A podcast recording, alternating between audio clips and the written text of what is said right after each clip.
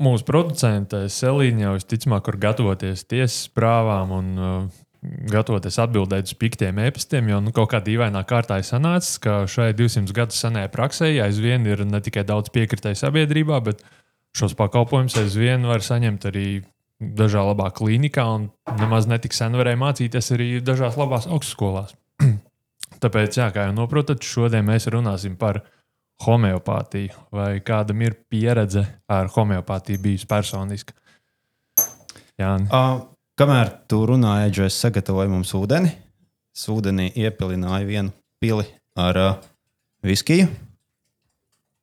Un pēc visiem principiem vajadzētu būt to, ka mēs šīs epizodes beigās būsim negan sadzērušies. Nu, vajag atšķērdīt to vairāk, jo, kā mēs zinām, homeopātijā jau vairāk atšķērdīts, jo stiprāks. Ja? Tu, tur diezgan daudz jau piegājas to viskiju, tā kā nebūs tik, tik traki. Nu, Bet, cerēsim, nu, jā. Aptaujā, aptaujāju, aptaujājot ļaudis pirms šī podkāsta, kāds kolēģis dalījās stāstā. Viņam pirms pāris ziemām uzkrita virsū lāstakļu uz galvas. Un, tas bija laikam nogale, viņš nevarēja tikt pie savas ģimenes ārsta. Viņš aizgāja uz kādas nu, lielas, respektablas klīnikas, dežūru ģimenes ārsti satikt. Un, uh, viņi izra, izrakstīja viņam uh, homeopātiskos pilienus vai, uh, vai, vai, vai, vai tabletītes pret, uh, pret, pret galvas reiboņiem. Un uh, divas dienas vēlāk, kad viņš tika pie savas īstās ģimenes ārstā, esot ritīgi spērusi gaisā uh, uguņus zibeņus, un zibeņus un vispārējo, ka tas īsti nav veids, kā tu rekomendē cilvēkam ārstēties no smadzeņu satricinājuma, kas viņam tajā brīdī bija. Nu, iespaidīgi. Nu, šodien studijā pie mums viesos ir Latvijas Universitātes medicīnas fakultātes farmakoloģijas katedras asociētā profesora un certificēta farmaceite Zana Dzirgala. Sveiki! Sveiki! Un vecākā medicīnas instruktore Novikons Jūras koledžā, arī RSU medicīnas fakultātes sestā kursa studente Ērika Turmane. Sveiki! Sveiki. Nu, tad uh, laižam vaļā par homeopātiju. Un vispirms tad tosts laikam. Jā, priekā. Uh, Viskiju tikai sev salējām. Jā, nu. Uh, es nezinu, mēs varam uh, uzreiz uh, ķerties pie homeopātijas vēstures varbūt. Un uh, tā jautājuma Jā, nu, kā, kā zināms, droši vien daudz ir dzirdējuši to vārdu Hānemans, ja? kurš, kurš ir principā vienīgais cilvēks, kurš ir atbildīgs par visu šo, kas tagad ir noteikti 200 gadus vēlāk. Uh, jā, nu, lūk, uh, tā tad Zāmēls Hānemans, 18. gadsimta beigas, ja, un uh, Sanāk, tas ir vairāk nekā pirms 200 gadiem, kad aktuālo bija miesmu teorija, jeb uzskats, ka slimības uh, izraisa kaitīgi zemes izgarojumi. Un, un uh, savukārt uh, cilvēks ārstēja ar dzīvesudraba tab tabletēm un tika arī likts elpot dzīvesudraba tvaikus. Un par baktērijām vīrusiem vēl toreiz neviens nezināja. Un tad sakiet, vai jūsuprāt, homeopātijas to, to praksi varēja veicināt šie apstākļi, ka to laiku to zināšanu par to, kas patiesībā izraisa slimības, pirmkārt bija maza, un otrkārt šīs te terapijas zāles, kas jau bija nu, dzīvesudrabs un visādas briesmu lietas. Bija īstenībā diezgan kaitīgas. Tad sanāk, ka varbūt nedarīt neko reizēm bija mazāk kaitīgi nekā ārstēties ar to laiku pieejamo medicīnu. Nu, ļoti iespējams, ka tam arī var piekrist. Un, ja jūs sākāt ar smadzeņu satricinājumu, ārstēšanu, tad kādreiz tur neko speciāli nevajag, vai tikai mieru. Tā tad varbūt cilvēkam divas dienas paguļot miera stāvoklī, viņš arī var izārstēt šo smadzeņu satricinājumu, un varbūt tā homeopātija tur neko arī nekaitēja. Noteikti tas ir saistīts arī ar zināšanām, cik daudz bija toreiz zināms, cik mēs tagad zinām, jo, protams, ka zinātnē ir attīstījusies. Bet jāatzīst arī to, ka nu, tradicionālie medikamenti, ko mēs ikdienā lietojam, tāpat tās ir ķīmija, ir indes. Tikai mēs zinām, kādā situācijā, kādā devā to lietot, varam palīdzēt pie kādām saslimšanām. Bet, protams, mēs zinām arī daudz blakus efektus šiem medikamentiem. Un, tad arī tie cilvēki, kas varbūt kā reiz izvēlas homeopātiju, nu, it kā nekaitīgāku, izvēlas tieši šo iemeslu dēļ, ka nav tie blakus efekti. Uh, tā kā, nu, mēs nevaram arī viņus par to saka, pārmest. Mm. Bet, ja mēs zinām tos riskus, tos blakus efektus, mēs varam izvērtēt kurā situācijā mums tas ir riskanti, kurā situācijā nav riskanti. Uh, nu jā, tā kā, tad, tad, protams, laiks iet uz priekšu, zinātnē attīstās. Uh, varam izmantot tam, kam mēs jā, vairāk spējam noticēt un kas arī ir pamatotāk. Īsnībā, jā, es pirms raidījumā tad, uh, arī paņēmu dažu homeopātisko pre preparātu instrukcijas palasīju. Tur tā, ka, nu, ja, ja parastajās uh, zālēs mēs redzam vesels blakņu mm. saraksts, rinda, vienkārši vesela lapus ir veltīta blaknēm, tad šeit principā visur bija rakstīts, ka vai nu nav zināms, vai nav novērots. Uh, var lietot kopā ar jebkāda veida uzturu, var vadīt automašīnu. Nu, principā, ja vien nav uz, uz etilspirtā šķīdināts. Jā, šobrīd arī skatos datu par pārdozēšanas gadījumiem. Nav. Jā. Datu par uh, miedarbību ar citām zālēm nav. Un skan brīnišķīgi, vai ne? Jo parasti īstenībā es zinu ļoti daudz cilvēku, kas atturās no medikamentu lietošanas tikai tāpēc, ka viņi sāk lasīt tās visas blaknes. Un, un tā ir taisnība, jā, jo tā tad homeopātiskās zāles arī pēc nu, tādiem normatīviem aktiem, pēc regulatīvām prasībām nepakļaujas pilnībā identiski tradicionālajiem medikamentiem, jo tātad šis darbības mehānisms nav nosakāms. Līdz ar to arī tos blakus efektus nevar paredzēt. Jo tradicionālajiem medikamentiem ir tā, ka tā tad ir izpētīts, kā viņi strādā dzīvajā organismā, nu, tā tad arī cilvēkā. Un tad mēs parasti konstatējam to, ka nu, šī aktīvā viela, šī substance, vai nu tur saistās ar receptoriem, uh, Vai nu tur pārtrauc kāda enzīma darbība mūsu organismā, vai kādu kanālu atver vaļā, lai jona labāk ieplūst šūnā, vai kaut ko kādu transporta proteīnu nobloķē. Un tas ir pamatā visiem medikamentiem. Ja? Tad saka, mēs zinām, mēs, kā tas strādā. Homeopātijai tiešām to noteikt nevar. Tas arī nav noteikts, jo klīniskie pētījumi homeopātiskiem medikamentiem netiek veikti. Un tad tur vēl ir tāda sadaļa zāļu aprakstā par farmakokinētiku. Tas ir kā, tas, kā tā viela, kā tas medikaments mūsu organismā uzvedas. Nu, proti, ka mēs viņu ieliekam iekšā, vai caur muti, vai tur injicējam vēnā, cik ilgi viņš uzturēsies, kā viņš tur aknās tiks metabolizēts. Atkal, tātad, ja tas atšķaidījums ir tik milzīgs, tad viņu tā kā it kā nekonstatē organismu šķidrumos, un tāpēc arī to nevar izpētīt. Tātad, tāpēc arī tās sadaļas tur nav. Bet Kas kaut ir... kāds sastāvs jau viņām ir rakstīts. Ir, es arī šobrīd skatos, teiksim, varbūt jūs varat uzmest acis un pateikt uh, parastam cilvēkam, kas ir šajā buļbuļsāņā iekšā. À, es nu... nosaukumu aiztaisīju ciet, lai kamerās tur nevarētu redzēt, bet šīs ir tās pašas zāles, kuras tika izrakstītas pret reiboņiem. Pret, uh, reiboņiem jā. Un atgriežoties nedaudz pie tās maziņas atrisinājuma gadījuma, es pilnībā piekrītu tam, ka skaidrs, ka izgulēt un iesaist to homeopātiju, tas jau neko tādu sliktu nedarītu. Viņu. Bet šajā gadījumā viņam tā rekomendācija bija nekas, viss kārtībā, staigā, izdara šito. Nu, te jūs man tagad prasat, pārbaudīsiet manas latīņu valodas zināšanas un izrunu. Ja? Bet, nu, Tas, ko mēs tātad arī visbiežāk redzam, kas ir homeopātisko preparātu sastāvā, tātad tie ir kādi dabas valsts preparāti. Ļoti bieži augi, uh, Tie var būt dzīvnieku izcelsmes kaut kādi savienojumi, tur pīļu, aknu, sirds kaut kādi tur lizāti, tur var būt nu, ļoti dažādi. À, čūsku indes, tur var būt nu, viss kaut kas. Uh, arī nu, jā, tātad augi tos pieminēju, minerāli uh, dažādi. Un, uh, nu, jā, un tad, protams, tātad, nu, te ir vairāki augi sastāvā, un arī norādīts ir tas atšķaidījums.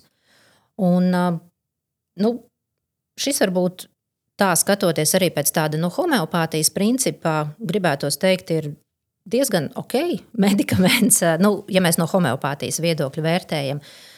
Jo, piemēram, daudziem citiem, arī tas otrs, ko jūs esat iegādājies, šo, jā, jā. Nu, es aptuveni zinu no galvas, kas tur ir. Jo es arī paskatījos tieši kā piemēru šo konkrēto medikamentu, un tad, jā, tur ir tie atšķaidījumi. Tur D3, D8, mm. D1. Un, piemēram, ko nozīmē D1 atšķaidījums? Tas nozīmē, ka tas uh, augu valsts preparāts, tā augu tinktūra ir atšķaidīta desmit reizes. Mm -hmm. Nu, ja viena daļa, viens tā tad jā, viens pret desmit. Nu, tā patiesībā, nu, kas tas ir par atšķaidījumu? Ļoti neliels atšķaidījums. Tā tad atšķaidot viens pret desmit, patiesībā jau tas augs dod uh, to efektu. Ja? Tā kā tev vēl tāds bišķiņš ir jautājums, vai tāpat tā ir. nav homeopātija. Jā, tieši tā, tāpat vairs nav homeopātija. Varbūt tā tas ir augu valsts preparāts, kuram mēs zinām arī konkrētu iedarbību, kuram iespējams ir mhm. izpētīta šīs aktīvās vielas. Jo, protams, ne jau viss augs dod to efektu. Parasti dod kaut kādu nu, ķīmiskā struktūra, izolēts, ja kaut kāds aktīvais savienojums. Tātad arī daudziem, kuriem varbūt palīdz homeopātija, tad ir tieši tā atbilde, tāpēc, ka tur ir tie augi, un viņi nav izpētījuši to atšķaidījumu pakāpi. Ja? Kā, un, nu, labi, te ir tā, tad, sanāk, tas augstākais, jeb zemākais atšķaidījums D3, kur arī nu, tātad, tas ir trīs reizes, 30 reizes atšķaidīts. Ja nē, jeb kā tur pareizi būtu jārēķina, trīs reizes pa desmit. Nu, tur jau ir konstatējams tas jā, jā. augstā patās. Un arī tātad mūsdienās ar nu, kaut kādām instrumentālām metodēm var noteikt atšķaidījumu līdz pat 24 reizes 100. Un tātad 100 reizes pa 24. Tas, tas C2, C24 Jā, sanāk. tātad šausmīgi tālu patiesībā. Mm -hmm. Sakiet, uh, Erika, cik saprotu, jums ir bijusi pieredze darbā ar pacientiem arī diezgan regulāri, vai ne? Uh, vai ir cilvēki, kas ir pieprasījuši tieši homeopātiskos medikamentus, kuri kā, neusticās tā teikt klasiskajai medicīnai? Nu, parasti cilvēki pēc manas pieredzes mēģina kā, pieprasīt homeopātiju, bet, ja nepalīdzēs, tad mēs varam ķerties klasiskajai medicīnai. Vai ir kādas citas iespējas? Mm. Uh, piemēram, tur es pastāstu, kā nu, šeit varētu lietot tādas un tādas zāles. Viņi saka, ah, no homeopātijas kaut kas varētu līdzēt. Un, uh, tas gadās, uh, bet. Uh, Sliktāk ir tad, kad cilvēki pat nav mēģinājuši mūsu konvencionālo medicīnu, it īpaši e, smago slimību gadījumā, piemēram, onkoloģiskiem pacientiem, jo esmu strādājusi arī um, neatliekamās palīdzības dienestā, un bieži ir izsaukums, ka cilvēkam ir sāpes, un uh, viss, ko viņš lieto, ir tā, nu, tie atšķaidījumi un, un uh, homeopātiskās zāles. Un, jā, tā, tā arī gadās. Kāpēc jums liekas šī nu, prasība sākumā ir varbūt kaut kas homeopātisks. Ir tieši šīs bailes no blaknēm. Jā, jā es domāju, ka jā, jo uh, daudzi cilvēki baidās no blaknēm. Tas, ko mēs mē, spriedām uh, agrāk, uh, šodien, kā uh, cilvēki mēģina izvairīties no blaknēm, un dažreiz pat uh, labāk viņiem ir slim, slimot un izjust to simptomātiku, nekā iespējams, ka viņam būs tās blaknes. Ir īpaši, ja tur ir sarakstīts garš saraksts, kā uh, viens uz simts tūkstošiem, viens uz desmit tūkstošiem, tur kaut kāda, tur, nezinu, mm. slikta vemšana vai, vai kaut kas traks. Viņi domā, ka tieši viņiem tas būs. Un tas ir laikam salīdzināms ar to, kāpēc daudziem ir bail lidot. Jo ceļu satiksmē ar mašīnām nostās daudz vairāk cilvēku nekā lidmašīnās. Bet tā varbūtība nomirt avio katastrofā arī tur ir viens pret cikiem miljoniem, bet cilvēkiem tomēr ir bail jau Tad, kad krīt, krīt uzreiz 200, un tad ir šausmīgi. Tieši tā. Skati, un, un par, to, par to ziņo visi mēdīji, ne par katru atsevišķu avio autoavāriju gluži nē. Uh, jā, bet pie tiem atšķērdījumiem mēs vēl atgriezīsimies. Bet es klausījos, ko, ko, ko jūs stāstījāt, Zana. Un, uh, um, nu, lūk, kā tas nākas, ka tādām klasiskajām zālēm vajag stingrus klīniskos pētījumus, Uh, vajag pierādīt to darbības mehānismu, tur sākumā uz papīra, tad tur šūnās, tad tur dzīvniekos un tā mhm. tālāk. Tā tālāk. Līdz, nezinu, tur reizēm paiet pat desmit gadi, kamēr tas preparāts nonāk plauktos.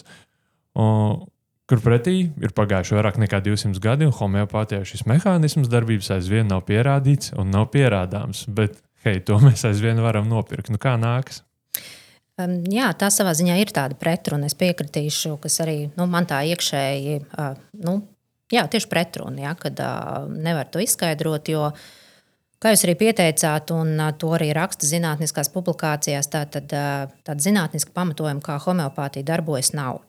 Nu, tad tiešām arī pretī ir tas jautājums, nu, kāpēc viņi tik ilgi eksistē. Ja? Un viens no tiem viedokļiem ir tāds, ka viņi nav tik kaitīgi. Un, ja viņi nerada lielu kaitējumu, tad cilvēki turpina to lietot.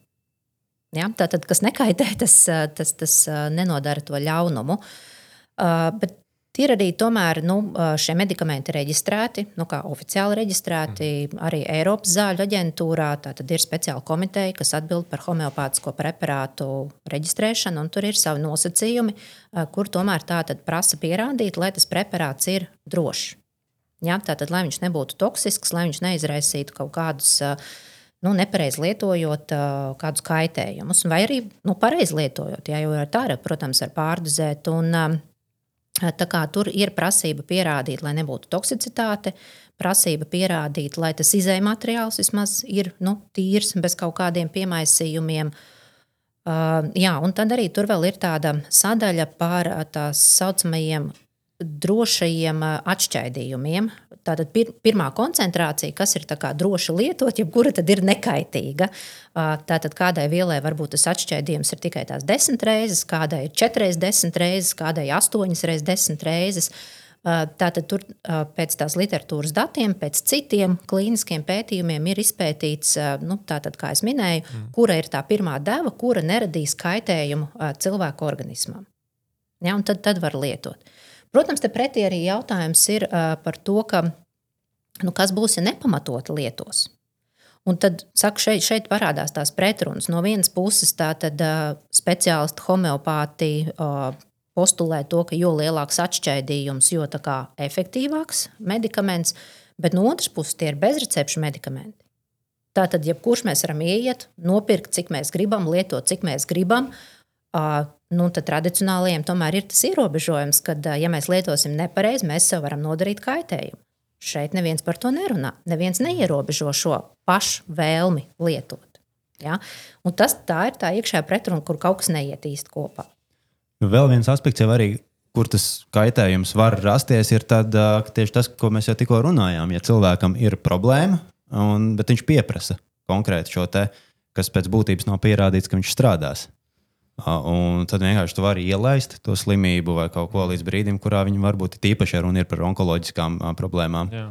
Līdz brīdim, kurā tev jau vairs varbūt pat arī tā. Klasiskā medicīna nepalīdzēs. Īstenībā tāds noslēgtais lokus bieži vien, manuprāt, sanāks. Nezinu, jūs varēsiet pateikt, vai piekrītat vai nē, bet jā, cilvēki, kas uzticas ļoti šīm alternatīvās medicīnas uh, metodēm, uh, nu, piemēram, tiešām tajos smagos onkoloģiskos gadījumos viņi ielaiž tik tālu, un kad jau ir nu, gals tuvojas un ir ceturtā stadija. Tad, nu, labi, dodiet man to ķīmijterapiju vai, vai tos med medikamentus, kuri vairs arī īsti nespēja, nespēja glābt. Tad šī neusticība vairojas. Nu, re, es mēģināju, jā, jā. un nepalīdz. Bet es domāju, ka te jau nav stāsts tikai par homeopātiju. Tas ir par dažādiem alternatīviem preparātiem, mm -hmm. uzturu bagātinātājiem, augiem, protams, kas ir ļoti daudz ar aktīvu savienojumu. Bet atkal tas gala stāsts ir par to, ka mēs īstenībā nezinām, kā viņi darbojas. Ja? Varbūt viņi iemidzina vēža šūnas, nevis iznīcina. Mm. Jo mhm. ķīmijterapija iznīcina. Un, ja viņas ir iemidzinātas, tad atkal tradicionālā medicīna ķīmijterapija vairs nepalīdz. Ja? Tā kā te, tieši tā aburtais lokus. Bet uh, Nu, kas man liekas tā tāds tomēr pozitīvais aspekts, eh, homeopāts eh, drīkst būt tikai ārsts. Tātad tas nozīmē, ka vispirms šis speciālists eh, ir pabeidzis klasiskās nu, medicīnas izglītību. Nu, pēc tam, ja viņš vēlas, protams, viņš var specializēties. Un tomēr arī pēc visiem ētikas principiem Tātad šis ārsts, viņam ir jāizvērtē, ja, vai drīkst ārstēties ar homeopātiju, vai tomēr nu, nē, tā ir kritiska situācija, tā ir smaga infekcija, ja, vai, vai kas tā tad ir nepieciešams, un ir jāizmanto klasiskā medicīna, klasiskās ārstēšanas metodas. Vai es drīkstu pajautāt, vai mums tas ir Latvijā reglamentēts, ka tikai ārsts var būt homeopāts? Manuprāt, jā, bet nu, simtprocentīgi nevaram galvot. Jo tieši tas, ko es lasīju, ka pirmkārt rezidentūras tādas vairs nav. Agrāk mums bija rezidentūra, vismaz Stradina universitātē, kā homeopāts, bet viņas sen jau nav. Un arī homeopātijas problēma ir tāda, ka, piemēram, Amerikā homeopāts var būt ne tikai ārsts, bet kurš pats izdomāja, ka viņš zina, ka viņš var dziedēt. Tā, un, uh, cilvēks pilnīgi bez ārsta izglītības var arī kaut ko tādu rekomendēt. Un, Bet jā. varbūt tas ir Amerikā. Cik man zināms, tad uh, Eiropā ir stingrāk, mm -hmm. un Latvijā jā, tā, tad, uh, tie, kas ir nopietni homeopāti, tad uh, nu, tie, kas arī sev, kā saka, liek jā, zīmīti, ka viņš ir homeopāts, ka tas ir ārsts. Jā. Īstenībā mums laikam ir paveicies, jo Eiropas Savienībā daudzos aspektos ir tāda stingrāka regulējuma arī jā. pārtikas drošības mm ziņā nekā ASV. Tad, tad mēs ar Reģu nevarēsim kļūt par homeopātiem tā vienkārši. Ja? Pagaidām, Latvijā. Būs, Pagaidām būs jāpamācās. Jā, à, bet mēs varam braukt uz ASV. ir, ir dzirdēts jā, par visādām praksēm, alternatīvās medicīnas, kur principā tu to diplomu sev pie sienas pieliec, bet tas ir radies tā, ka tu pats nodibini biedrību ar domu biedriem, 20 cilvēku, un tu paši sev izsniedz tos diplomus. Nu, diezgan amizanti. Man liekas, Jā, tev bija pa stipru ir viskijas piepilnāšo, lai viņš nav tik atšķaidīts. Nu, bet man liekas, man jūs jābēdina. Es nezinu, vai jums darbosies, jo tur tomēr arī homeopātijas pagatavošanā ir svarīgs tas potencēšanas, tas dinamizēšanas process. Kratīšana? Pareizā kratīšana. Pareizā īpašā kratīšana. Jā. Jā. Mēs varam parunāt par kratīšanu. Kā tas notiek? Es personīgi neesmu gatavojusi homeopātiskos medikamentus, kaut gan nu, esmu farmaceits, bet nu, man ir kolēģi, jā, paziņas, kas strādā homeopātiskā aptiekā un tad mēģināja iegūt informāciju, kā tas notiek. Mm. Um, jā, tad tur ir svarīgi tiešām tas potenciēšanas, ne tikai atšķaidīšanas, bet arī tas kratīšanas princips, kā mēs to nosaucām. Uh, jā, nu, Tur ir kaut kāda specifiska metode, kā tas ir jādara. Un tie, kas iet tātad vēl tālāk šajās alternatīvās uh, lietās, tad um, atkal ir speciālisti, kura kaut kādu speciālu metodi izmēra, kurš tas uh, pagatavotais preparāts ir aktīvāks vai mazāk aktīvs. Un, kā stāstīja kolēģi, pat ir bijuši gadījumi, ka šis cilvēks nāk uz homeopātisku aptieku. Viņš saka, kāpēc tur visu laiku bija nu, tāda tur tā stiprība, un tagad ir vājāks. Nu, viņi tā kā, kā saka, kvalitātes kontrolas nolūkos sāk pētīt uh, savus pagatavotos medikamentus. Izrādās, cits kolēģis ir gatavojis. Nu, tā tad cita kratīšana. Tas man nedaudz atgādina to stāstu par mums Latvijā bija tāds slavens ūdens, kurš arī tika virpuļots, ka vintilēts reižu, bet mm -hmm. tad, kad viņam prasīja parādīt, nu, tad parādi vismaz vienreiz, kā, kā tad, lai mēs visi zinām, kā tad viņš tur tiek, tās vintilēts reizes virpuļots, bet to kratītā viņš nerāda. Uh, nu, jā, tas ir manuāli tiek veikts. Uh, droši vien, ka rūpnieciski ražojot šos homeopātiskos preparātus, es nezinu, kā tas notiek. Es neesmu redzējusi, bet uh, tātad gatavojot aptiekā uz vietas, to veids cilvēks. Nu, tur ir, tur ir kā atstrādāta metode. Bet šeit atkal, manuprāt, liekas ļoti tā tāda negodīga situācija vai nepieņemama situācija par to, ka tātad viens vai otrs speciālists to gatavo un ir atšķirības medikamentu stiprumā. Ja, kaut gan atšķēdījums ir tieši tas pats. Tātad nu, man ir tiesības saņemt tikpat efektīvu kā jums, mm. ja tā kā ir strādājis otrs kolēģis. Un, un te, man liekas, tas arī nu, īsti nav akceptējami, ja, ka tas gala rezultāts var atšķirties. Nu, protams, cik tur ir tā patiesība, mēs nezinām, kur ir patiesība. Tā ir kaut kur ārā. Ja? Īstenībā, baigais respekts tiem uh, pacientiem un, un klientiem, kuriem mājās acīm redzot, ir tādas iespējas izmērīt šīs koncentrācijas. nē, nē, nu, viņi nemēra tur, nu, kā saka, ar tādu mēraparātu, nezinu, mm. bet tur chromatogrāfiju vai kaut ko tādu. Jā. Bet nu, tas ir kaut kāds tur svārsta metods. Ah. Jā, jā, nu, es, es Kaiš. precīzi nezinu, kā tas notiek. Mm -hmm. Es tikai esmu dzirdējusi. Tas... Nu, par šīm koncentrācijām runājot, jūs minējāt, laikam, cik sanāk. 10, 24. Jā, Nē, 100 reizes 24. 100 reizes 24. Sorry. Nu, tad tas, ko pats uh, homeopātijas tēvs uh, Zamels Hānemans ieteica vairumā gadījumu lietot šis 30C, tātad 1 pret 100 reizes 30 atkārtot šo procesu.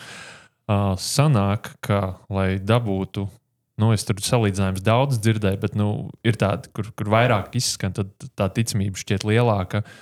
Ko jūs teiktu? Sanāk, ka, lai dabūtu vienu molekulu aktīvās vielas, mums būtu jāizdzer uh, ūdens kvantums, kas ir apmēram tādā tilpumā kā Saules sistēma, lai dabūtu šo vien, nu, 30 C, ja 1 pret 100 reizes 30.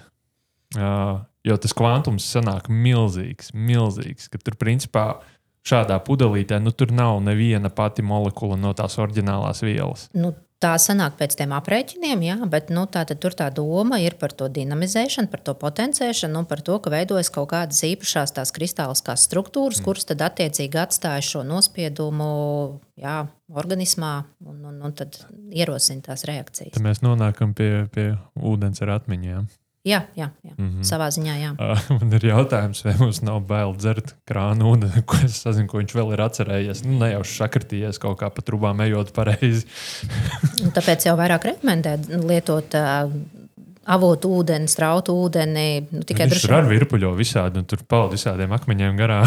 Nē, nu, tur jau ir tā labā struktūra, viņš sasitās jā. un sasūdz dabas enerģiju. Tikai droši vien vajag paskatīties, no kurienes tas avots iztek. Mm, jā, interesanti. Jo, nu, ko, ko jūs varētu teikt par uh, ūdens atmiņu? Ir tāda lieta vai nav? Jo, cik, cik es esmu skatījies tādā recenzētā zinātniskajā literatūrā, šim priekšstatam nav nekāda pierādījuma šobrīd. Nu, laikam jau līdzīgi, jā, kā par homeopātiju. Bet ziniet, kas ir amizanti? Uh, tie, kas lieto homeopātiju, tādi lieli atbalstītāji, parasti ļoti izvairās no vakcīnām. Tā kā bail. Bet īstenībā vakcīna sanāk gandrīz tas pats, kas homeopātija.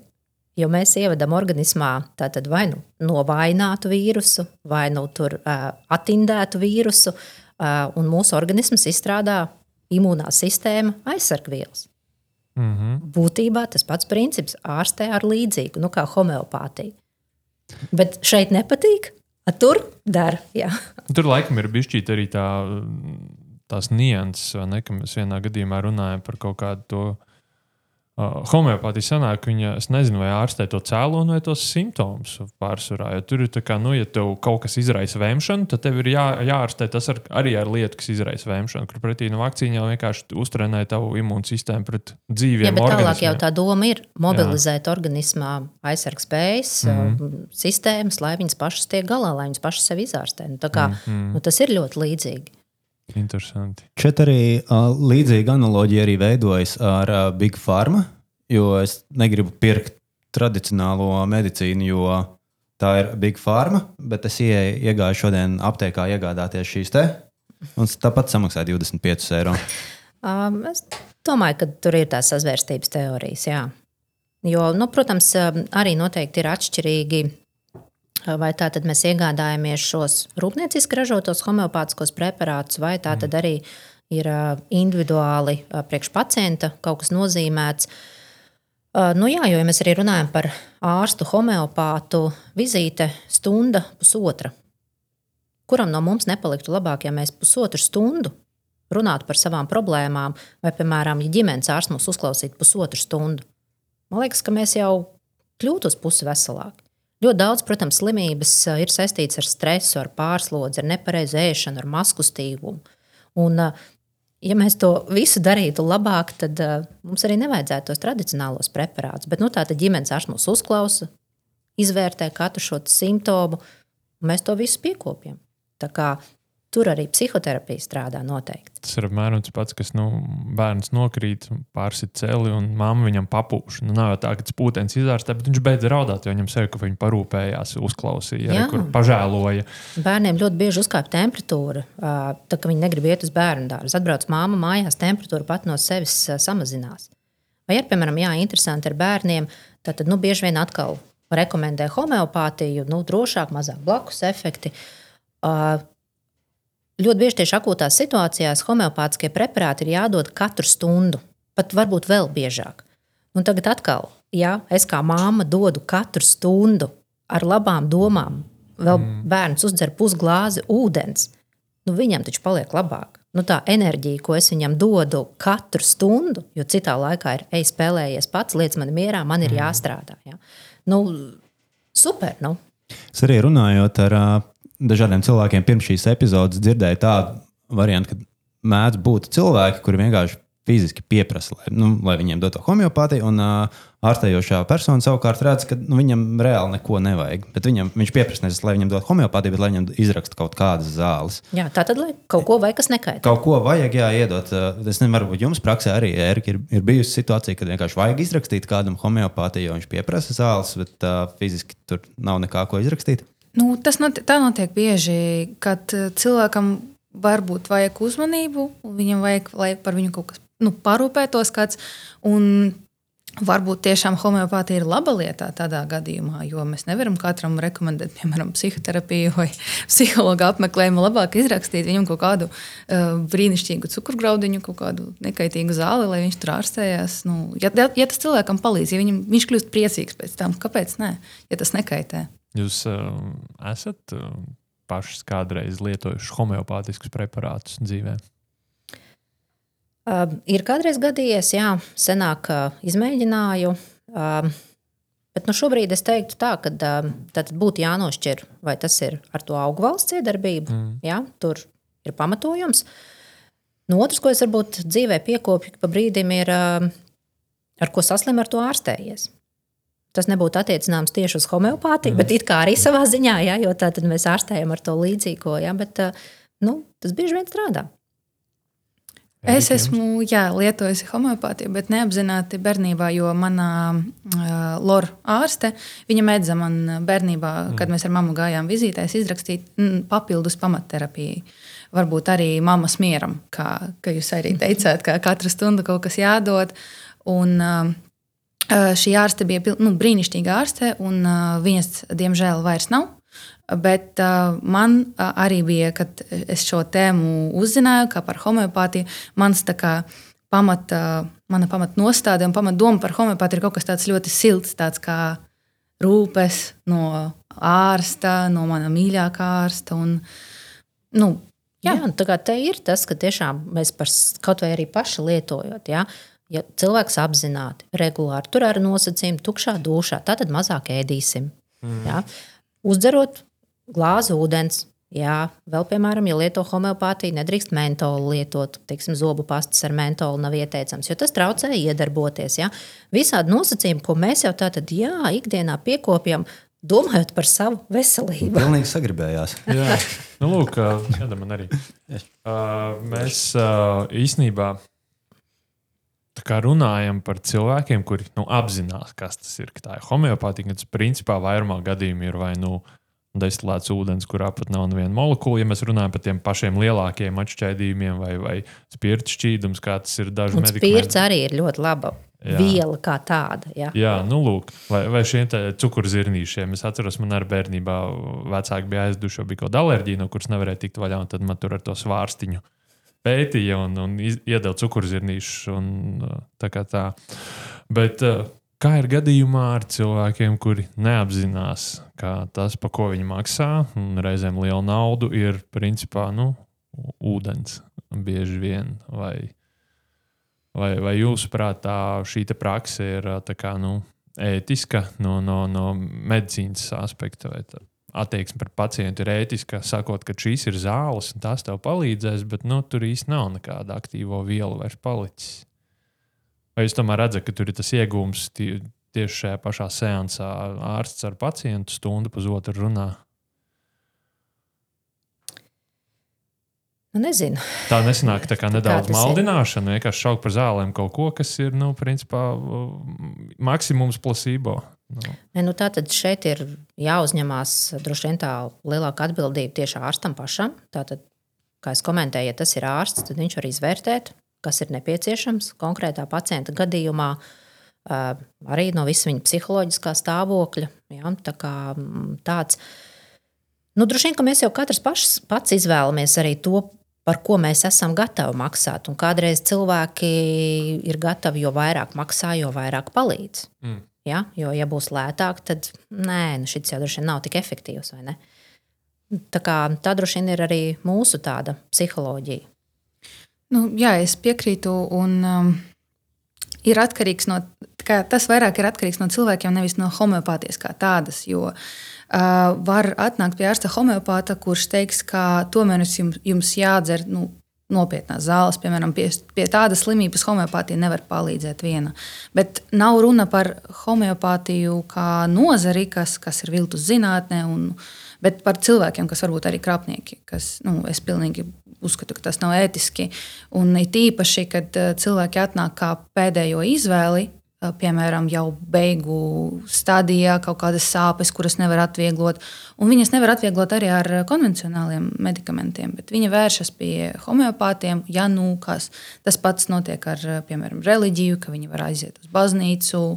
Un, jā, nu, uz tādiem cilvēkiem, protams, pelnīt naudu nu, nebūtu ētiski. Nu, jā, jo te droši vien vairāk ir par to, ka uh, dziednieki, kas varbūt arī tiešām sev piedēvēja kādu homeopāta statusu, uh, man liekas, ka jā, tā tad nu, tie, kas tiešām nav speciālisti, ārsti, un arī es domāju, ka tāds lielāks risks ir dažādu uzturbagātinātāju tirgotāji. Un, protams, vairāk tie, kas arī savu produkciju realizē no rokas rokā, ja, izvelk no somas tur veselu kompleksu. Un, un kāpēc viņi ar aptiekām netirgo? Jo atkal tur kaut kāda sazvērstības teorija, mm. jo viņiem taču ir ekskluzīvs produkts, un to nedrīkst caur aptiekām.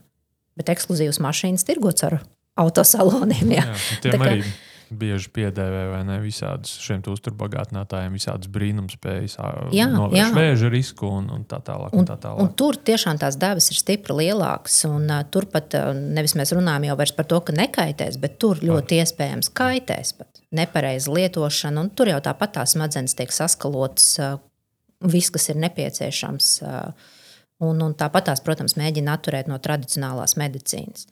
Protams, ir arī situācijas, ka varbūt cilvēkam jālieto ļoti daudz nu, parastie medikamenti, un varbūt tiešām viņam ir par daudz, ka viņa organisms nepanes tik daudz. Un tad, protams, tajā brīdī, kad noņemot visus tos tradicionālos nost un varbūt dodot homeopātiju, ja, bet, protams, tā ir ārsta kompetence. Ja, tad nu, izvērtēt, drīkst, nedrīkst no atcelt tos citus medikamentus. Un iespējams, ka viņam tiešām arī paliek labāk, jo tajā brīdī tas organisms attīrās no tiem visiem citiem medikamentiem, kas bija par daudz. Un tad laika gaitā skatīties, varbūt tas dzīvesveids var palīdzēt kaut ko sakārtot. Par homeopātiskiem medikamentiem arī mums jā, arī bija cilvēki, arī, kur rakstīja, un mēs arī paši tam redzējām, ka ir bijušas diskusijas par to, vai viņiem ir vieta aptieku plauktos. Un vai cilvēkiem, kuriem viņi tirgoja, vai jūs prāt, viņiem ir obligāti pirms tam cilvēki jāinformē, ka tas, kas tiek tirgots, ir homeopātija? Mēs runājam par parastajām aptiekām, nevis specializēto, protams. Jā. Cilvēks zina, ka viņš saņems. Tā tad tādas normatīva aktu prasības nav, kad ir speciāli jāinformē, bet Eiropā, bet arī Amerikā, arī Anglijā, Austrālijā ir šie medikamenti lietoti, tiek lietoti. Nu, Tātad reģistrācijas prasības ir oficiālas, Jā, kā jau arī minēju, tā ir Eiropas zāļu aģentūrai speciāla komisija, kas to nosaka. Nu, tad, nu, ja tā tad ir izvēle cilvēkiem to lietot, nu, droši vien, ka labāk, lai tā tad viņi iegādājas reģistrētu, uzticamu preparātu, nevis tā tad paši iet uz mežu, lasa mušmiras, nezinu, ko salasījuši, kādus tur sataisījuši, mikrodozēšanas principus un tinktūrus un vēl nezinu ko. Tur es redzu risku lielāku nekā tad, ja tas ir aptiekā tirgots. Jā, protams, cilvēkam ir tiesības zināt, ko viņš iegādājas, un tas būtu jāpaskaidro. Mm. Jā. Īstenībā manā pieredzē bieži arī pasakā, ka nu, teiksim, kaut kādus līdzekli pret saaugstēšanos, tad noliek piecus variantus un pasakā, bet šis ir homeopātiskais. Tas, tā, tā tā labā praksa, manuprāt, un es to esmu pieredzējis diezgan Jā. bieži. Jā, vislabāk ir, kad zāles ir reģistrētas, pat ja viņas ir homeopātiskas, un cilvēks var izvēlēties. Un, uh, pat ja mēs noņemsim homeopātiskās zāles no aptiekas plauktiem, tas nekā nevarēs palīdzēt cilvēkiem, kas nav kritiski pret sevi un pret to, ko viņi lieto. Jo, piemēram, varu, varu vienu gadījumu pastāstīt interesantu uh, no gaļzara toksikoloģiskās uh, nodeļas, kur uh, mēs gājām pie pacientiem nodarbības laikā. Un bija viens pacients, kuram bija prasījām, kāpēc viņš ir te, un viņam ir ļoti smags aknu bojājums. Nu, bija aizdomas par dzeršanu, ka nu, viņš lieto alkoholu pārmērīgi. Uh, Parunājām ar viņu, palūdzām pastāstīt, kas notika. Viņš teica, nu, nekas tāds īpašs, vienkārši man sāpēja galva. Un es aizgāju pie savas kaimiņienes, palūdzu viņai kaut kādu zāli parekomendēt. Ļoti, ļoti sāpēja, nevarēja izturēt. Viņa parekomendēja man citramonu. Eh, es arī pajautāju devu, un viņa teica, viena tablete uz vienu kilogramu mana svara. Mēs jautājām, cik jūs svērat? 80 kg. Un viņam nesanāca nopirkt visas 80 tabletes vienā aptiekā, jo viņas beidzās. Eh, viņš aizgāja uz citu, un viņš dzēra vai ēda viņas divas dienas pēc kārtas. Viņš nevarēja vienā dienā visu apēst, apēda divās dienās. Nu, tad viņam jau kļuva slikti, diarēja, vemšana, visas intoksikācijas pazīmes, viņš nokļuva slimnīcā. Nu, jautājums, cik kritisks ir cilvēks un, un kā mēs varam tādu cilvēku pasargāt, izņemot homeopātiju no, no aptiekas plauktiem, jo tāpat viņš kaut ko atradīs un, un pārdozēs, ja viņš gribēs. No šīs saprotu, ka homeopātija ir ļoti grūti pārdozēt. Jā, tas ir, ir viena laba lieta par homeopātiju. Viņa nevar pārdozēt. Bet arī jāskatās droši vien vai ne? Nu, cik daudz tur tas spirts klāt? Nu, arī, jā, jā, ja mēs izdarsim 10 ml pudelītes, kur ir 40% spirts, tad principā litrs šņabja vai ne? kas arī notiek ar sirds zālēm, kas arī ir atšķēdīti spirtā. Uh, validols vai kar, karvalols, kaut kas tamlīdzīgs. Kā... Karvalols, jā. Jā, jā. Bet tur arī ir nu, citas aktīvās vielas, kas rada to risku. Jā. Uh, bet ir tādi stāsti bieži no ārstiem, piemēram, arī no psihiatriskajām klīnikām, kur it kā ārstējas vai no alkoholisma vai lietotā tad, uh, nu, kādas antidepresants, antipsihotiskas vielas. Un, un tur laikam ir nosacījums, nu, ja cilvēks ir alkohola reibumā, tad viņš tur nedrīkst uzturēties. Un tas cilvēks dievojas, ka viņš taču nav lietojis alkoholu. Izrādās, viņš jā, šo sirdspilienus lieto nu, pietiekami daudz un uh, sasniedz arī reibumu stāvokli. Jā, man jā. tieši bija nesen praksa psihiatrijas slimnīcā un narkotikas nodaļā. Tur daudz tantītes ar sirds problēmām. Un tur salēja viņa tādā kokteļa glāzītē, pieliek, pieliek klāt citronu un, un, un, un ledu. Tā man liekas, pa stipri.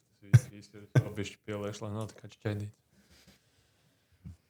Nu tā, īstenībā Mums Mēs- arī jā, bija tieši arī, jautājums arī par pārdozēšanu. Un caur ļoti jauku piemēru, tādu James Rendijs, Tetols, tāds zinātnieks, ā, viņš Slipsvitra. principā ir būra mākslinieks, Būra mākslinieks, jā. kritiskās domāšanas veicinātājs mūža nogalē. Jā. Jā, un viņš katru savu diskusiju, ne, bet sa- savu runu iesāka izdarot uh, vienu pilnu uh, sauju ar, ar, ar, ar homeopātiskajām miega zālēm. Un Viņš teica, ka nu, skatīsimies, vai es nomiršu runas laikā, vai nenomiršu. To Viņš izdara un vēlāk saka, to, ka nu, labi, īstenībā es zināju, ka es nenomiršu, tāpēc ka es šo triku daru jau 8 vai 10 gadus. Uh, pilnīgi katrā lekcijā, ko es daru. Un, un, un, un, Un arī no viņa lekcijas, kā pārdozēt medikamentus, aizmirst izdarīt. arī Nu, jā, bet te jau ir tas, ko mēs pieminējām, ka ir tā pretruna, ka it kā ļoti efektīvi un tajā pat laikā nav tā ierobežojuma, cik drīkst lietot pats ā, pacients. Kas ir īstenībā, nu, runājām arī par to, ka kaut kādas ā, minimālas devas augu izcelsmes kā, molekulu savienojumi tur ir. Tad man ir jautājums, vai tas varētu būt iemesls, kāpēc bieži vien cilvēki jauc homeopātiju fitoterapiju. Jā, noteikti. Jo nu, viņiem tas liekas, ka homeopātija tas jau ir tas dabiskais, kas tur no dabas ir. Uh, un cilvēki varbūt bieži tiešām nepadomā, ka tur tas atšķēdības ir milzīgas. Ka īstenībā tā zāļu tēta būs ar daudz lielāku aktīvo vielu daudzumu, neizsakām lielāku nekā homeopātiskais preparāts. Jo man daudz liek vienādības zīmes. Starp. Nu, protams, tas ir tāda nu, nezināšana, nesapratne par tām lietām. Un, nu, es aicinātu cilvēkus mācīties ķīmiju. Jo tad ir tās citas galējības, ka cilvēks saka, nē, es tikai organiskus preparātus lietoju. Ja? Nu, ko organisks preparāts ir nafta, bet sāls jā, ir neorganisks nātrija chlorīds. Nu, tas ir vienkārši tādas no muļķības, kur iztrūks zināšanas, un tam pamatzināšanām jābūt. Ir. Un Tāpēc jāklausās mūsu podkāstā. Tieši tā. Mums patiesībā gandrīz katru epizodi ā, ir ā, kāds eksperts, kurš ā, dusmojās par to, ka cilvēki ar vārdu ķīmija saprot tikai visu negatīvo.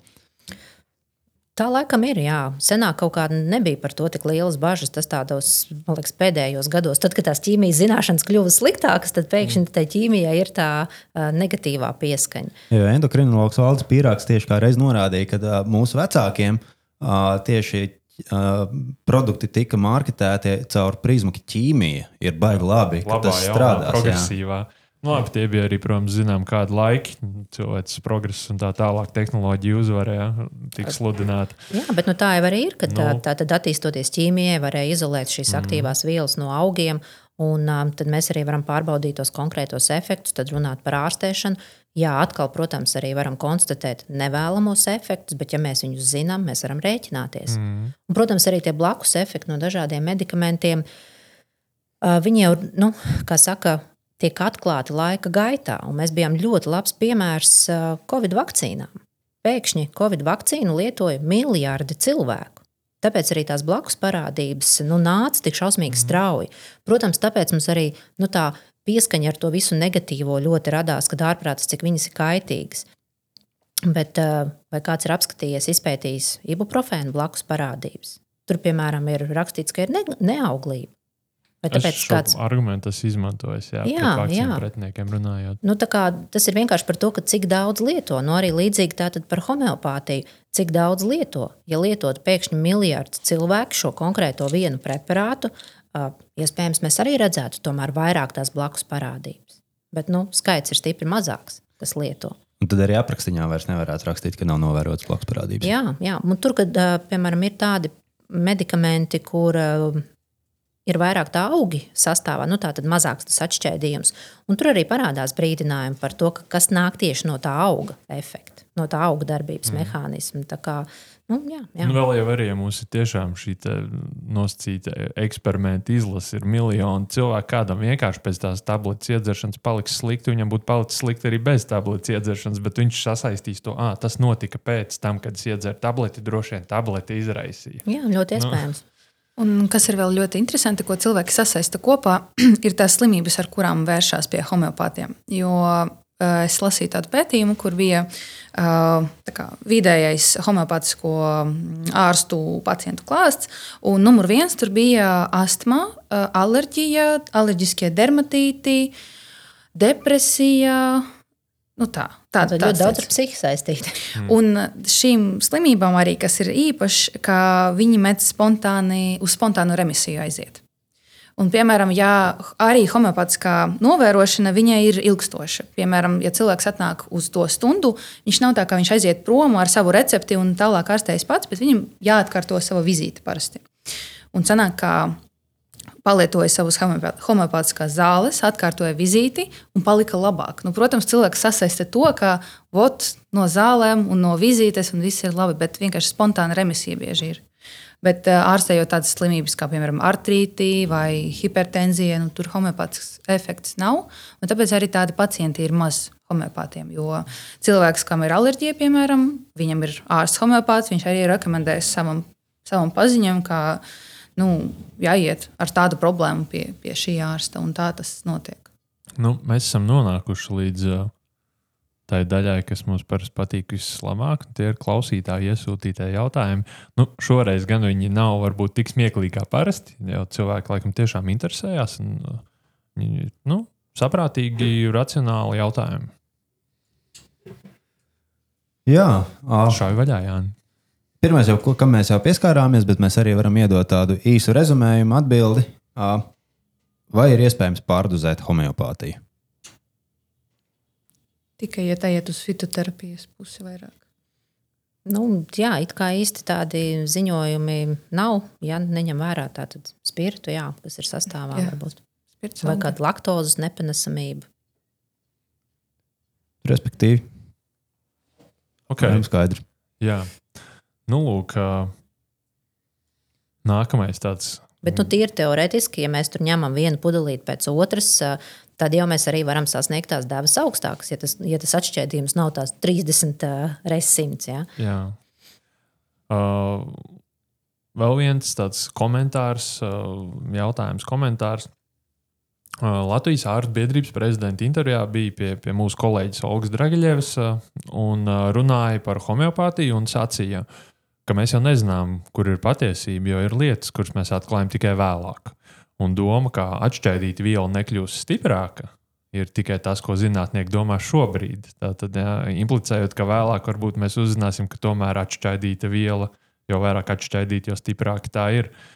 Un tiešām, vai jūs, prāt, var gadīties, tā, ka tikai pēc laika mēs zinātniski pierādīsim, ka šie divi homeopātijas pamatpīlāri, līdzīgs ārstē līdzīgi, un jo vairāk atšķaidīta viela, jo viņa stiprāka, ka tie strādā. Es to neapšaubu. Es to neapstrīdu. Jā. Tā var būt. Jā.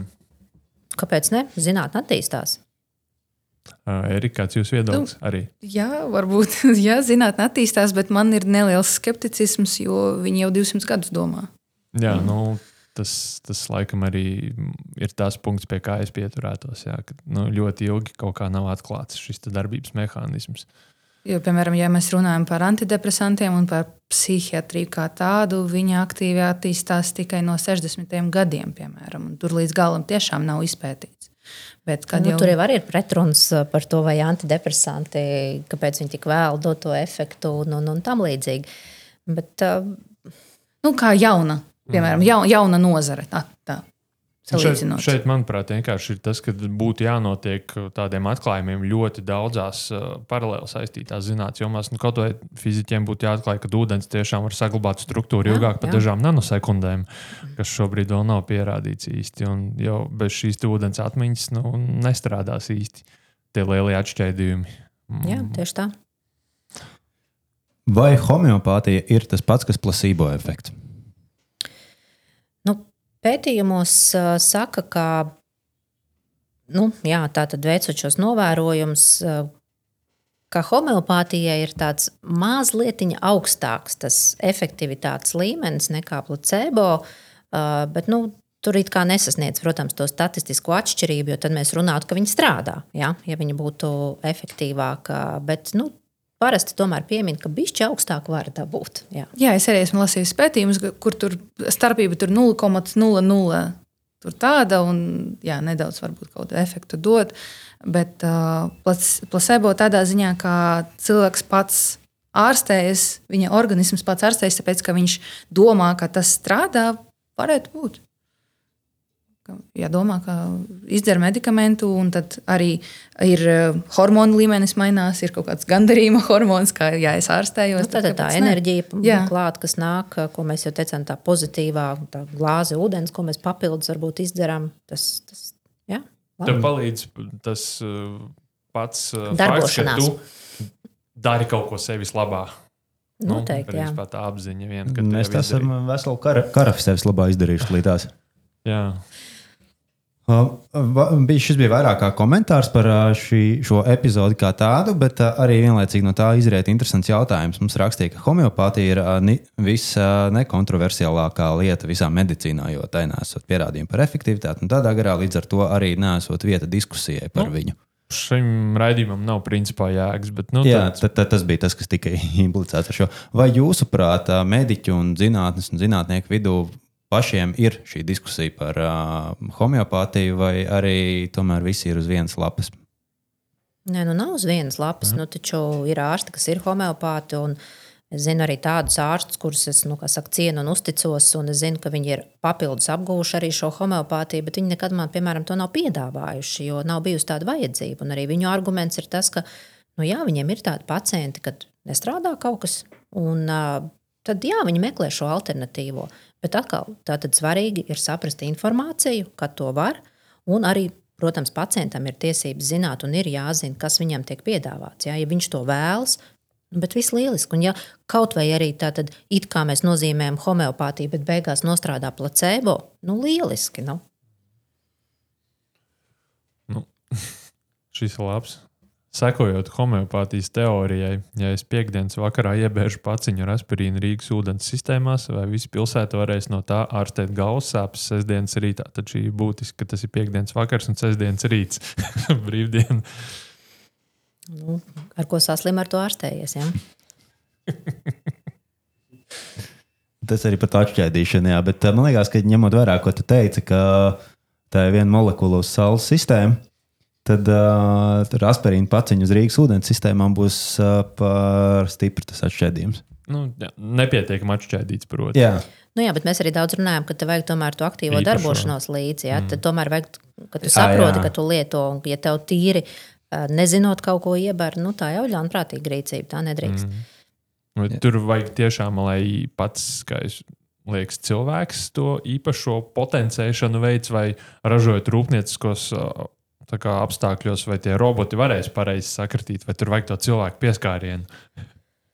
Uh, es nezinu, nemācīšu atbildēt uz šo jautājumu, bet uh, nu, jā, mēs tā kā runājam, kā es pieminēju to, ka vajag to cilvēku aktīvo darbošanos, bet jāatzīst, ka ir arī veterinārā homeopātija.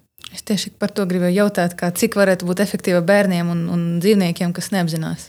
Nu, bērni noteikti saņem tātad to enerģiju, mm -hmm. varbūt caur to vecāku vai caur to nu, speciālistu, kas dod, bet ir arī populāra veterinārā. Jā. vai par to ir kādi zinātniski secinājumi jau izdarīti? Nu, zinātne saka, ka nestrādā homeopātija, nav zinātnisko pierādījumu. Čivau ir atšķaidīts vilks, un tikai nu, nedaudz vēl viņa vēl bišķi vairāk jāatšķaida. Bet uh, par to uh, vielu kratīšanu, es zinu, ka to var izdarīt arī attālināti. Un kā es to zinu?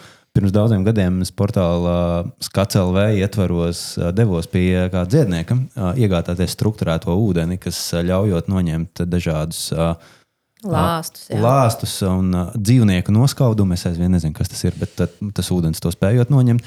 Un uh, izpētot viņa bukletu ar tiem ūdeņiem, ko viņš piedāvāja, viņam bija arī, es nezinu, pat 250 vai 300 eiro bija tāda funkcija, ka tu vari ierāpties vannā, viņu pielaist pilnu ar ūdeni, sēdēt tajā vannā, un tad piezvanīt viņam, un viņš pat telefonu nostruktūrēs to vannu. Un uh, bija tāds pakalpojums. Un, uh, Nebūtu tas bijis tik dārgi, es to noteikti būtu izmēģinājis. Bet tā es toreiz nopirku divas paciņas ar struktūrēto ūdeni. Un, uh, Man patīk, ka Jānis tēlo, ka viņš nezina, kas ir dzīvnieku noskaudums, jo es ļoti labi zinu. Tajā brīdī, kad Jānis Suns Rosas lietas laikā sēž pie kamīna, viņa kaķis jau viņam nepatīk pārāk. Kaķis sēž aiz logu un ļoti dusmīgi skatās uz Jānu, lai viņa laiž istabā, bet Jānis nelaiž. Kaķis tevi noskaud. Nu, vai arī dzīvnieku noskaidrojums ir tas brīdis, kurā te ir desmais un tavs labradors tevi skatās. Arī, jā. Nē, tu viņam iedod, es tev pazīstu. Jā. Bet vispār ir dzirdēts arī, jā, ka uh, homeopātija notiek ārstēšana pa telefonu, ko nu, paši tomēr speciālisti, kas ar to nodarbojas, nu, ļoti kritiski uz to skatās. Jo nu, tas atkal ir pilnīgi tāda pretruna ar nu, to, ko tas Hānemans postulēja. Un, jo Tur ļoti daudz tiek ievākta tā informācija par pacientu, kāds viņš arī izskatās emocionāli, tad arī nu, tas stresa faktors un, un dažādas pazīmes, ādas krāsa, ķermeņa konstitūcija. Tas viss ir tas, pēc kā homeopātija vērtē, kurš preparāts būtu piemērotāks. Tad līdz ar to nu, pa to telefonu tas jau gan izklausās pēc tāda šarlatānisma. Nu, nezinu, nezinu. Man īstenībā arī uzreiz ir jautājums, vai šī mm, individuālā pieeja un tiešām šī stundu pusotru garās konsultācijas varētu būt tas, ko klasiskā medicīna varētu aizgūt no homeopātijas un ieviest vairāk arī. Es domāju, ka noteikti, ja saku, tas pats ģimenes ārsts varētu stundu klausīties mūsu sūdzībās, viņš noteikti arī atrastu vispiemērotāko, visideālāko preparātu, kas tajā brīdī ir nepieciešams. Protams, tas būtu apmaksāts, lieliski. Ja tas būtu apmaksāts un būtu laiks visiem, jo cik pacientus dienā, astoņi pacienti, astoņas stundas klausīties.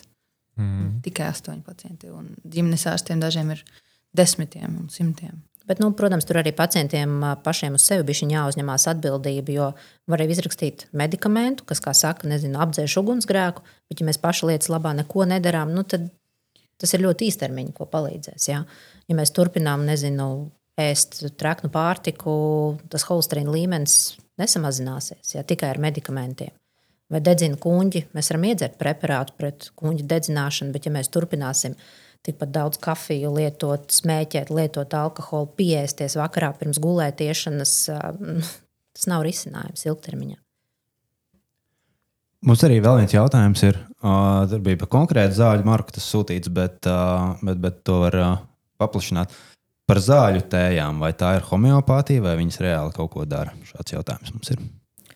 Nu, kā zāļu tējas ir augu valsts preparāta, tā ir fitoterapija. Uh, ir augi, kuriem ir pierādītākas īpašības, ir tādas, ko mēs arī vienkārši lietojam, nezinu, kaut kādu vēsturisku iemeslu dēļ, un nebūs tā efektivitāte, bet tur noteikti tā no konkrēta auga plus devas, kādā tiek lietots. Tā, kā, tā nav homeopātija. Kā jums liekas, cik labi mūsu senči, kuri bieži ārstējās ar dažādām meža pļaus zālītēm, paši taisītējas, cik labi viņi pārzināja tos uh, efektus, vai tur vienkārši tiešām nu, mēģināja taisīt tēju no tās un šitās un skatīties, kas notiek.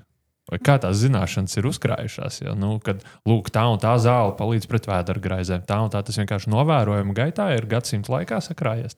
Es domāju, ka novērojama gaitā un nebija daudz visādi traucējošo faktoru, kā nu, viedierīces, kuras spaidīt, ja, vai skatīties televizoru.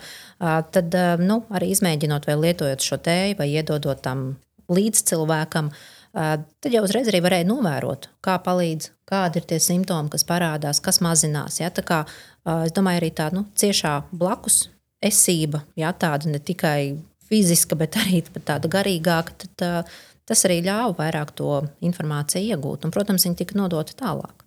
Nu, viens tāds piemērs arī ar homeopātiju un pirmo teikt, pētījumu vai statistiskiem datiem par homeopātijas efektivitāti būtu holēras uz, uzplaukums. Uh, 18. gadsimta beigās, liekas, kad bija divi, divas slimnīcas, kas ārstēja to holēru. Viena no viņām bija homeopātiskā. Un uh, mirstība homeopātiskajā slimnīcā bija daudz mazāka nekā parastajā, bet toreiz holēra ārstēja ar ļoti smagiem un intensīviem uh, laksatīviem, kas izraisa ļoti smagu diarēju. Tā doma bija tāda, ka, ja holēra ir iekšā baktērija, tad vajag izraisīt to smagu caurēju, lai viņa izmazgātos cauri. Rezultātā cilvēks ļoti dehidratējas un efekts nav. Un sanāca, ka homeopātika, kas praktiski nedarīja neko ar savā, savām zālēm, arī to holēru maigāk ārstēja, un, un tur bija tā efektivitāte. Tāpēc, jā, es domāju, viduslaikos un, un, un senos laikos tieši mēģināja, ups, nesanāca labi to vairs nedarīsim.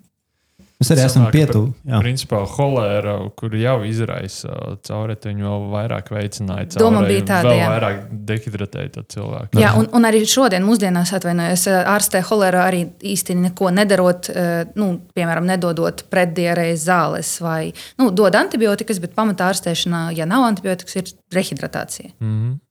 okay. Nu, ko mēs esam nonākuši pie pašām podkāstu beigām? Nezinu, vēl pirms sakām, pavisam tā, varbūt ir vēl kaut kāds pēdējais, varbūt rezumējums par visu tēmu kopā, vai arī kāds padoms, ko jūs gribat sniegt mūsu klausītājiem. Nu, tad es domāju, rehidratējamies un ar ko saslim ar to ārstējies. Tikai tā racionāli. Jā. Nu, t- tosts par racionalitāti. Jā, un par to runājot, uh, aizmirsu pašā sākumā apsveikt gan uh, mūsu pašus, un Selīnu un Patriku, gan arī mūsu klausītājus. Pēc pagājušā podkāsta, zinātnē vai muļķības, bija otrais klausītākais podkāsts Spotify topā, bet Latvijā.